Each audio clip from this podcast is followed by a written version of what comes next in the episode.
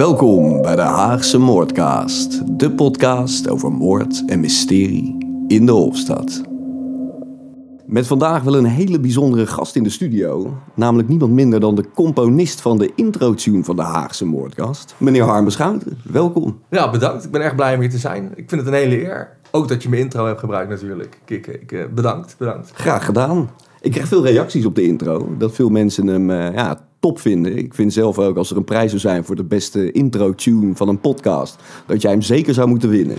Heel erg bedankt. Maar ik wil misschien deze podcast een keer beginnen om een eh, compliment aan jou te geven, als je dat niet erg vindt. Dat is altijd prettig. Ik moet je feliciteren met het ongekende succes van de Haagse Moordkast. Ik uh, ben ontzettend onder de indruk. Ik hoorde van je uh, een paar dagen geleden dat je nu al bijna, of nou, over de 5000 unieke luisteraars hebt. En uh, hoe lang ben je bezig? Ja, sinds april, toen kwam de eerste aflevering online. Ongekend, ja. Ik moet zeggen, dus nogmaals, laten we deze podcast beginnen met een compliment aan jouw kant. Nou, dat vind ik aardig, dankjewel. Vanwege het ongekende succes. En uh, laten we er een leuke show van maken. Zeker. En dat gaan we zeker doen in deze Scheveningen special. Want uh, jij bent niet alleen uh, componist van te gekke muziek, maar ook nog eens Scheveninger. Mag ik dat zo zeggen? Nou, bij zo'n vraag moet ik wel een beetje op mijn woorden letten. Want ik ga ervan uit dat tussen je 5000 unieke luisteraars er wel een aantal echte Scheveningen zitten. Dus ik moet inderdaad, wat ik net zeg, een beetje op mijn woorden letten.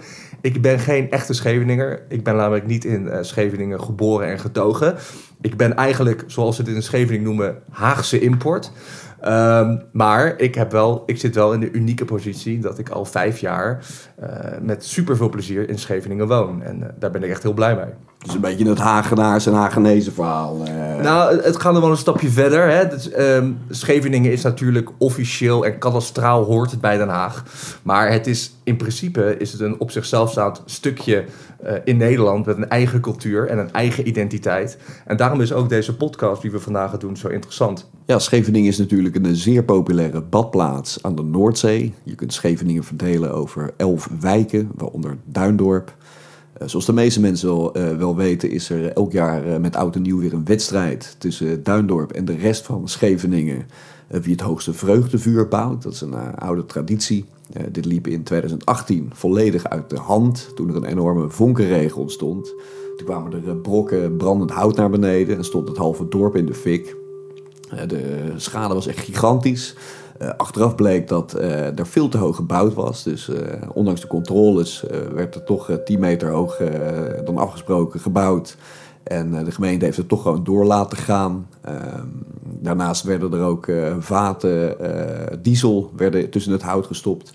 de toenmalige burgemeester Pauline Krikke die is ook afgetreden om deze zaak. Verder staan er in Scheveningen uh, twee gevangenissen. Uh, de PI Haaglanden, die nog steeds natuurlijk in gebruik is. Met daarnaast de oude Scheveningsgevangenis, die ook wel bekend staat als het Oranje Hotel. En die naam die komt uit de Tweede Wereldoorlog, toen de Duitsers deze gevangenis in handen hadden en hier veel verzetslui vastgezet werden. na de bevrijding waren de rollen andersom. Toen werden hier uh, NSB'ers, uh, collaborateurs en andere oorlogsmisdadigers vastgezet. Um, Anton Mussert heeft er vastgezeten, Ros van Tonningen, uh, de dubbelspion King Kong, die is hier waarschijnlijk ook vermoord. maar misschien is het leuk om dit te bewaren voor een aflevering, een special over de Tweede Wereldoorlog. Maar even een vraag tussendoor. Zit jij een beetje relaxed? Ik zit wel redelijk relaxed, ja. Dus jij voelt je wel goed? Ik voel me, ik weet niet waar deze vraag heen gaat, maar ik voel me wel goed. Jij bent wel in balans.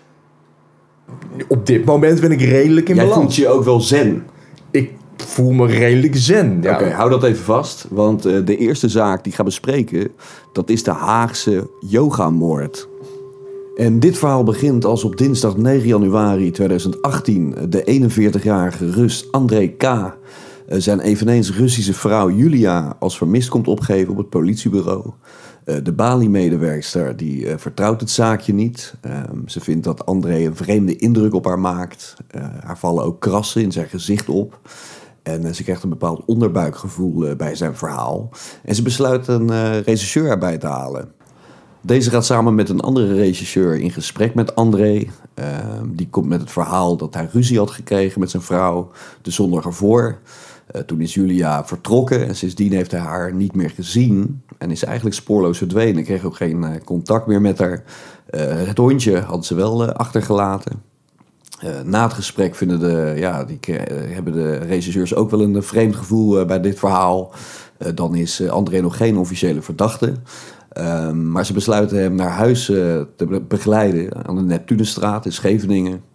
En als ze de woning betreden, dan uh, staan ze eigenlijk meteen in een uh, yoga-studio. Uh, de vrouw van André, de vermiste Julia, die is yogalerares. En op de begaande grond van hun woning heeft ze dus haar yoga-studio.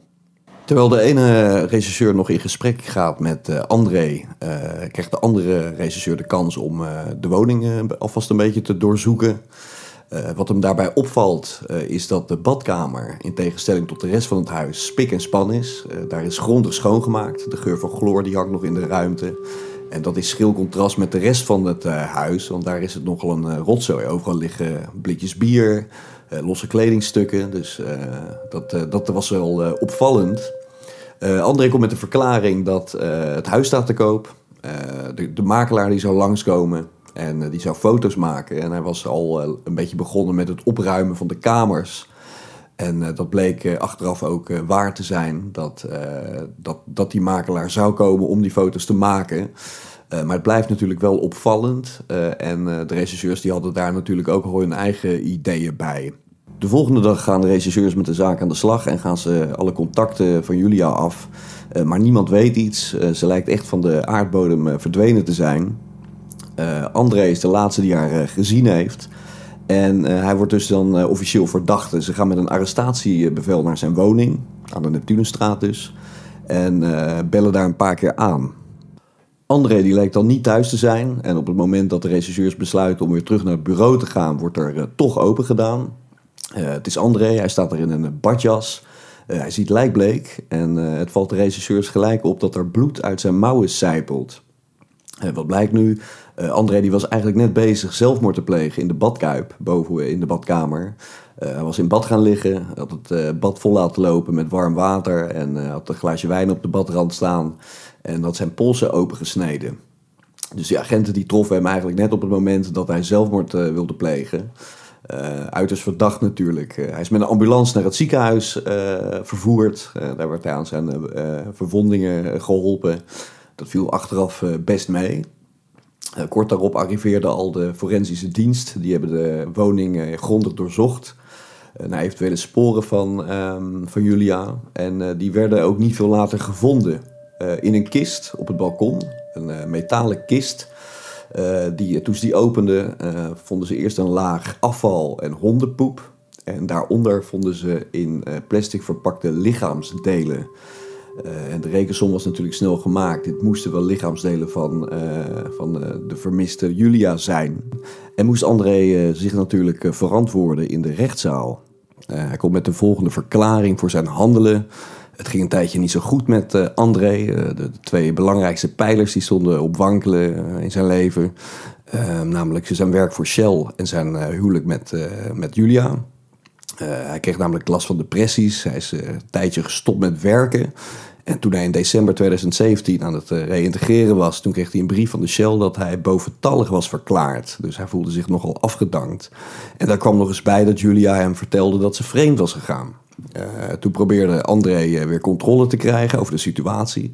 En toen begon hij Julia eigenlijk in de gaten te houden. volgens André had Julia seks met mannen voor geld. En hier had ze 12.000 bitcoins mee verdiend. Dat zou hij met zijn eigen ogen op haar telefoon gezien hebben.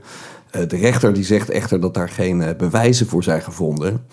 Ook kocht hij een babyphone-app en die installeerde hij op een van haar tablets. Hij kocht ook een webcam en luisterde gesprekken af in de yoga-studio.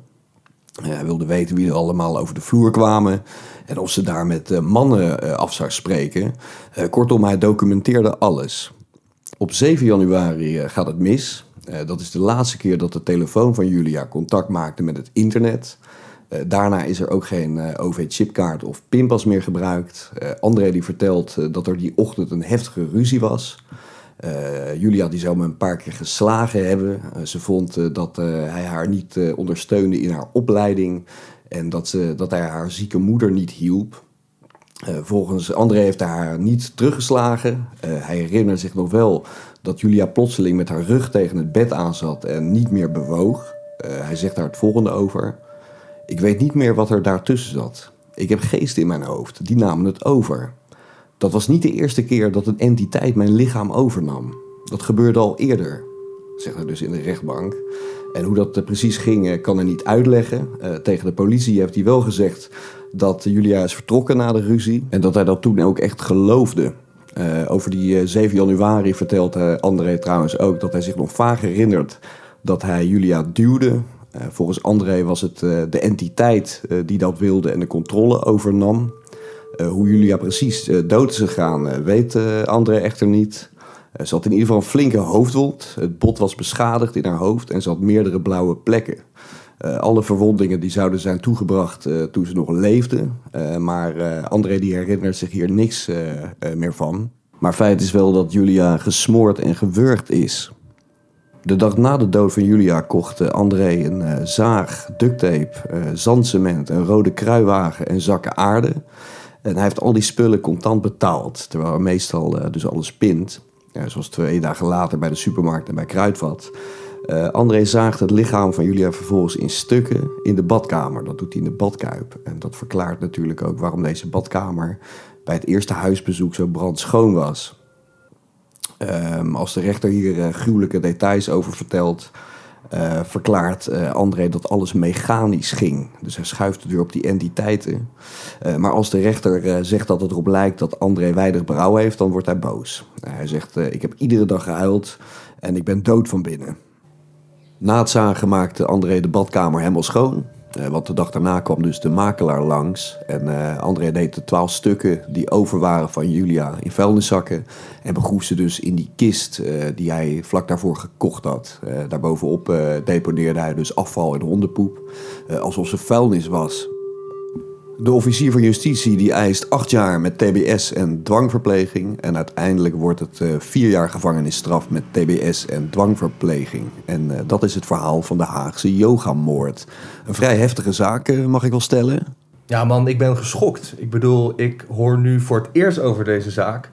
En ook het feit dat het in de Neptunusstraat heeft plaatsgevonden. Ja, daar woon ik letterlijk 10 meter vanaf. Dat maakt het, maakt het best intens. En um, ook de mate waarop eh, deze persoon is vermoord, wat, uh, wat vreselijk en ook wat vreselijk nog voor de nabestaanden.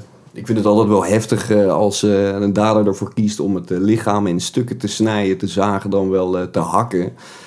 Het is een hele heftige, in, persoonlijke, intense daad voor zowel het slachtoffer als voor de dader.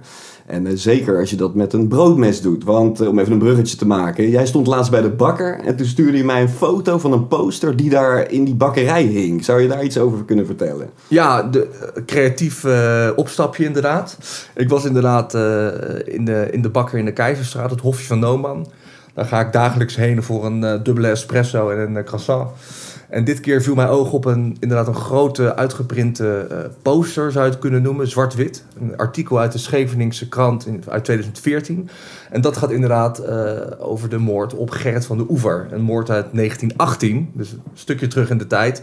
Maar die zeker net zo heftig is als de, de vorige. Ja, want ik had zelf had ik nog nooit over deze moord gehoord of gelezen. En um, het, speelt dus, het speelt zich dus af in de Bloedpoort. En de Bloedpoort dat is, was een soort sloppenwijk in, in, in Scheveningen. Uh, begrijp ik dat goed? Dat zeg je eigenlijk helemaal goed. de Bloedpoort was een, ja, een, een kleine sloppenwijk. Een slopje wordt het ook wel in de volksmond genoemd. En uh, ja, dat klopt op een plekje waar nu Hofje van Nooman zit, hè, die bakker. En nu moet ik even tussen zeggen... Want dat Hofje van Nooman, dat is de bakkerij. Ja, nou, het kan zijn dat ik hier... Uh, ik doe het nu uit mijn hoofd, dus het kan zijn dat ik hier een fout maak. Dus voor alle Scheveningers die luisteren, excuses als ik het mis heb. Vergeef me alvast. Maar volgens mij, inderdaad, op de plek van, de, van het Hofje van Nooman, van die bakker... Uh, was de Blueport. En daar is inderdaad het lichaam van de Gerrit van de Oever gevonden. Bijnaam Rode Gerrit. Ja, want deze Scheveningse vishandelaar wordt op eerste kerstdag 1918 dood op zijn bed aangetroffen. Uh, de politie gaat er in eerste instantie van uit dat hij natuurlijke dood is gestorven. Maar bij nader inzien blijkt hij door uh, verstikking om het leven te zijn uh, gebracht. Moord dus. Um, ook heeft hij een fikse hoofdwond en mist hij een aantal tanden, waarvan er twee in zijn maag worden teruggevonden. De politie pakt vijf verdachten op in de bloedpoort, maar uh, moet deze ook alweer gauw uh, vrijlaten wegens gebrek aan bewijs. En dan blijft het eigenlijk vier jaar stil rondom de dood van Gerrit. Op 27 november 1922 ontstaat er dan een uh, fikse ruzie in de bloedpoort, waarbij beschuldigingen over en weer worden geuit.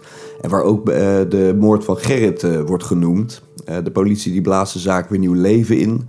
En ze zijn ook op zoek naar een geheimzinnige briefschrijver, die trouwens niet gevonden wordt. Wel worden er weer drie verdachten opgepakt in de bloedpoort. maar ook deze verdachten moeten weer vrijgelaten worden wegens gebrek aan bewijs. In 1924 worden er weer na een burenruzie vier personen opgepakt. Die ten tijde van de moord allemaal in de bloedpoort woonden. Ze zouden ten tijde van de moord een boomstronk uit de tuin van Gerrit gestolen hebben. het was vlak na de Eerste Wereldoorlog en brandhout was schaars.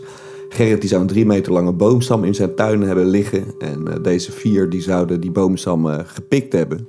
Justitie kon echter geen bewijzen voor moord aanvoeren tegen deze vier verdachten en ze werden tot een maand celstraf veroordeeld wegens diefstal van de boom. In diezelfde tijd wordt ook een vijfde verdachte gearresteerd, namelijk de 26-jarige visser Gerrit Dijkhuizen. Uh, tegen hem heeft de politie wel bezwarende bewijzen en uh, justitie klaagt hem aan voor de moord op Gerrit van den Oever. Op 9 april 1925 start de zaak tegen Dijkhuizen. Uh, hij bekent dat hij ongeveer een uur na de diefstal van de boomstam in het slop is geweest en daar gezien heeft hoe een voor hem onbekende persoon in een lange mantel bij de woning van Gerrit stond. De man die stond recht tegenover de deur van de woning van Van den Oever. En doordat de beklaagde een stuk hout droeg, moest de man een eindje opzij. Vlak daarop zag de beklaagde de man de woning van Van den Oever binnengaan. van tevoren had de beklaagde al gezien dat de deur op een kiertje stond, al dus het rechtbankverslag. Tijdens de getuigenverhoren blijkt dat Dijkhuizen al eerder als verdachte gehoord is in de zaak. Maar uh, op 23 april 1925 wordt hij door de Haagse rechtbank vrijgesproken. de rechter acht niet bewezen dat, dat hij verantwoordelijk is voor de dood van Gerrit van der Oever. En hoewel het Openbaar Ministerie nog in hoger beroep ging, werd Dijkhuizen ook bij het Hoge Rechtshof vrijgesproken. En dan houdt het eigenlijk op het verhaal. spannende zaak. ik ken het nog niet. En ik denk dat het wel de bekendste Scheveningse cold case zaak is. Zo, meine Damen und Herren, und jetzt der nächste Fall. Ja, uh, iedereen weet natuurlijk dat Duits de tweede taal is in Scheveningen. Jaarlijks komen er uh, duizenden en duizenden Scheveningse toeristen naar de badplaats toe. En dat is ook in de jaren 70 zo geweest. alleen kwamen die om andere redenen naar Scheveningen toe. Dit is het verhaal van Haus Etna. Want de Duitse werkgeversvoorzitter Hans-Martin Schleyer, die in 1977 ontvoerd en vermoord werd door de extreem linkse terreurorganisatie Rote Armee-fractie, oftewel de RAF, zat enige tijd opgesloten in een Scheveningse eensgezinswoning. In een chic gedeelte van, de Haagse, van het Haagse Scheveningen werd Schleyer meerdere dagen vastgehouden in een zogenaamde volksgevangenis van de RAF. De sluierzaak domineerde in 1977 wekenlang het Europese nieuws, maar niemand wist tot voor kort eh, dat de Duitse werkgeversvoorzitter ook in Nederland had vastgezeten. Op 5 september 1977 werd Schleier in Keulen ontvoerd vlakbij zijn eigen huis. Eh, de RAF hield hem eh, eerst elf dagen gevangen in een buitenwijk van Keulen en daarna werd hij dus overgebracht naar een pand in het Haagse Scheveningen. deze nieuwe schuilplaats was gelegen aan de Stevinstraat nummer 266. Uh, tegenwoordig ziet het pand er prima verzorgd uit. Voor de ruiten op de begane grond hangen vitrages. En aan de gevels zijn posters van een makelaarskantoor geplakt. Want het staat namelijk te koop voor 6 ton. Hier werd Schleier in de vroege ochtend op, uh, van 16 september 1977 in een grote rieten mand naar binnen gedragen. Uh, Zo'n groot formaat was nodig om Schleier onopvallend te kunnen vervoeren. Het was moeilijk geweest voor de RAF-leden om zo'n dergelijke mand te krijgen. Maar uiteindelijk werd hij gevonden bij de Bijenkorf. Schleier werd vervolgens in deze mand naar de tweede verdieping gebracht, waar hij werd vastgehouden in een zolderkamer. De 25-jarige Angelica Speitel had de Scheveningse woning gevonden in de krant. De terroristen reageerden op de advertentie onder de valse naam Carola Steur. En op 13 september kreeg ze de sleutel. Na twee dagen eerder een eerste aanbetaling te hebben gedaan, handlanger Peter Jurgen Book richt vervolgens het huis in. Hij koopt bloembakken, een tafellamp en een televisie. De RAF wil dat de coöperatieve woning er standaard uitkomt te zien en niet opvalt in deze keurige wijk. De leden van de RAF hadden de Haagse woning omgedood tot House Etna. Dit omdat de woning aan de Stevinstraat werd gehuurd door RAF-terroriste Angelica Speitel, die binnen de Rode Armee-fractie de schuilnaam Etna had. Uh, Schleier werd in het huis niet alleen bewaakt door Book en Speitel, maar ook andere cipiers van de Volksgefängnis waren naast de beruchte Brigitte Moonhaupt ook nog Elisabeth von Dijk en Stefan Winskenski. Uh, de Duitse media als Focus en die Süddeutsche Zeitung vermoeden dat het uh, in de Stevinstraat was uh, dat Schleier samen met een vrouwelijke bewaakster Monopoly speelde om de tijd te doden. Opvallend genoeg vonden RAF-terroristen het spel van Schleier, hetgeen dat de werkgeversbaas nogal amusant vond. Een uiterst linkse terroriste die bij het verwerven van vastgoed wint van een vertegenwoordiger van het grootkapitaal. voor Schleier was dat zo ongewoon dat hij om moest lachen. Het monopoliespel creëerde echter een, uh, ja, een probleem voor de RAF. De terroristen en de werkgeversvoorzitter begonnen het zo goed met elkaar te vinden dat de RAF besloot de vrouw uit het pand te verwijderen. Het was namelijk natuurlijk uh, niet de bedoeling dat bewakers en gevangenen nauwe banden gingen ontwikkelen. Veel sneller dan gedacht uh, moest de RAF de Haagse woning weer verlaten. Angelica Speitel had bij autoverhuurbedrijf Tromp in Den Haag een wagen gehuurd. Maar de verhuurder die vertrouwde de zaak niet en waarschuwde de politie. Uh, die constateerde vervolgens dat de papieren van Speitel inderdaad uh, vervalst waren. Wanneer Speitel de auto vervolgens komt terugbrengen, ontstaat er een vuurgevecht met de politie, waarbij de terroristen uiteindelijk weten ontsnappen. Ze waarschuwt haar handlangers in de Stevinstraat, waarop Schleier snel weer in de mand van de bijkol wordt gestopt en in de nacht van 19 op 20 september naar een chic appartement in de Brusselse wijk Sint-Pieterse Woluwe wordt gebracht. Eh, daar blijft Schleier tot, uh, totdat hij op 18 oktober wordt meegenomen en diezelfde dag wordt doodgeschoten door Rolf Heisler en Stefan Winskinski op een weg in de buurt bij het Franse Mulhouse. Uh, tijdens de ontvoering was de Nederlandse politie de RAF-terroristen al enige tijd op het spoor. De Haagse woning aan de Stevinstraat werd via een observatiepost aan de overkant van de straat in de gaten gehouden. Uh, maar toen agenten de woning uiteindelijk binnenvielen, was de vogel al gevlogen. Schleier zat toen al in Brussel. De Scheveningse Zee heeft hij helaas nooit meer mogen zien. Ongelooflijk.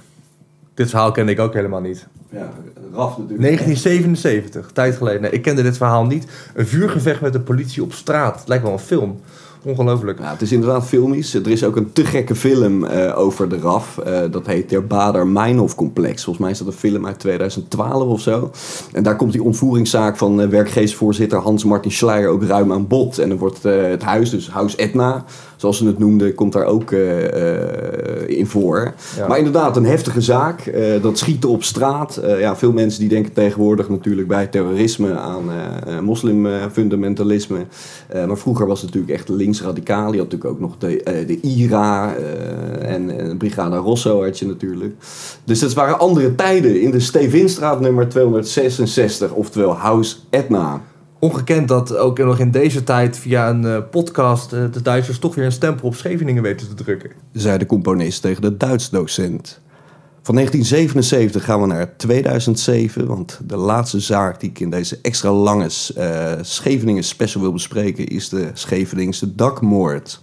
Want op maandag 29 januari 2007 is de 25-jarige Pascal Triep op bezoek bij zijn moeder in de Hoekerstraat op Scheveningen. Als Pascal de tuin op gaat ruimen, ziet hij dat de buren hun rommel op de uitbouw van zijn moeder hebben gegooid. Hij gooit de spullen dan terug en krijgt daardoor ruzie met de buurman. Uh, terwijl Pascal een woordenwisseling heeft met de 46-jarige Thierry T., springt die 16-jarige zoon Danny van het balkon op het afdakje. Hij heeft dan een keukenmes in zijn handen en steekt uh, Pascal één keer in zijn borst. Uh, Pascal die valt van het afdakje en raakt zwaar gewond. De buren die bellen pas na een paar minuten de hulpdiensten. Ambulancemedewerkers proberen Pascal nog te reanimeren, maar het mag niet meer baten. Danny T. was tijdens de moord 16 jaar hij kreeg een jaar jeugddetentie en acht jaar jeugd-TBS voor de moord. En zat zijn straf uit in een jeugdinrichting in Zutphen. Hij wist daar trouwens twee keer te ontsnappen. Hij was het jaar daarvoor ook al ontsnapt. Hij kon toen een paar dagen, na een paar dagen weer opgepakt worden in een huis in Voorburg. de tweede keer werd hij opgepakt in een huis in Den Haag. Hij ging er toen tijdens zijn verlof vandoor. zijn begeleider had daarbij het nakijken Tien jaar nadat eh, Pascal met leven kwam bij deze zogenoemde Haagse dakmoord, heeft een vriend van hem, Michiel Romein, een rap geschreven over het grote gemis van zijn vriend. Dit nummer heb ik helaas niet meer kunnen vinden. anders had ik het zeker even willen draaien in deze moordcast. Maar eh, al met al ook weer een hele zinloze moord, hè? Ja, nou van deze zaak wist ik wel. En het is natuurlijk een hele tragische zaak. En het is ook vrij recent natuurlijk allemaal. Ik, ik kende deze zaak wel al. En nogmaals, ja, shocking. Het is, eh, ja, het is een vreselijke zaak. En uh, vreselijk dat het heeft kunnen gebeuren. Ook dat uh, ja, zo'n persoon dan ook nog twee keer weet te ontsnappen. Ja, dat is natuurlijk ja, wel dat vond ik ook wel, wel bizar. Ja. ja. en natuurlijk ook het bizarre was dat er toen... deze moord is natuurlijk... Dat is gefilmd. En dit filmpje heeft ook heel lang op internet gecirculeerd. Ik heb het toen der tijd wel gezien... Uh, dus ik kan me, kan me het nog wel herinneren, inderdaad. Ik heb geprobeerd uh, het nog eens te vinden voor deze podcast, voor deze aflevering. Maar uh, ik heb het niet meer kunnen vinden. En dat is misschien ook maar beter zo. Ja, dat, daar ben ik het helemaal mee eens. Het is inderdaad goed om, gewoon, om dat gewoon te laten. En ook uit respect voor de nabestaanden. Dat soort filmpjes vooral niet op internet of op social media circuleren. Dat is alleen maar beter. Precies. En dan lijkt het me wel aardig om deze Scheveningen special uh, van de Haagse Moordkast af te sluiten met de complete versie van de intro-tune. Uh, hoe heet het nummer? Uh, Single Me Out. Single Me Out van Harmen Schouten. Bedankt voor het luisteren en tot de volgende aflevering van de Haagse Moordkast.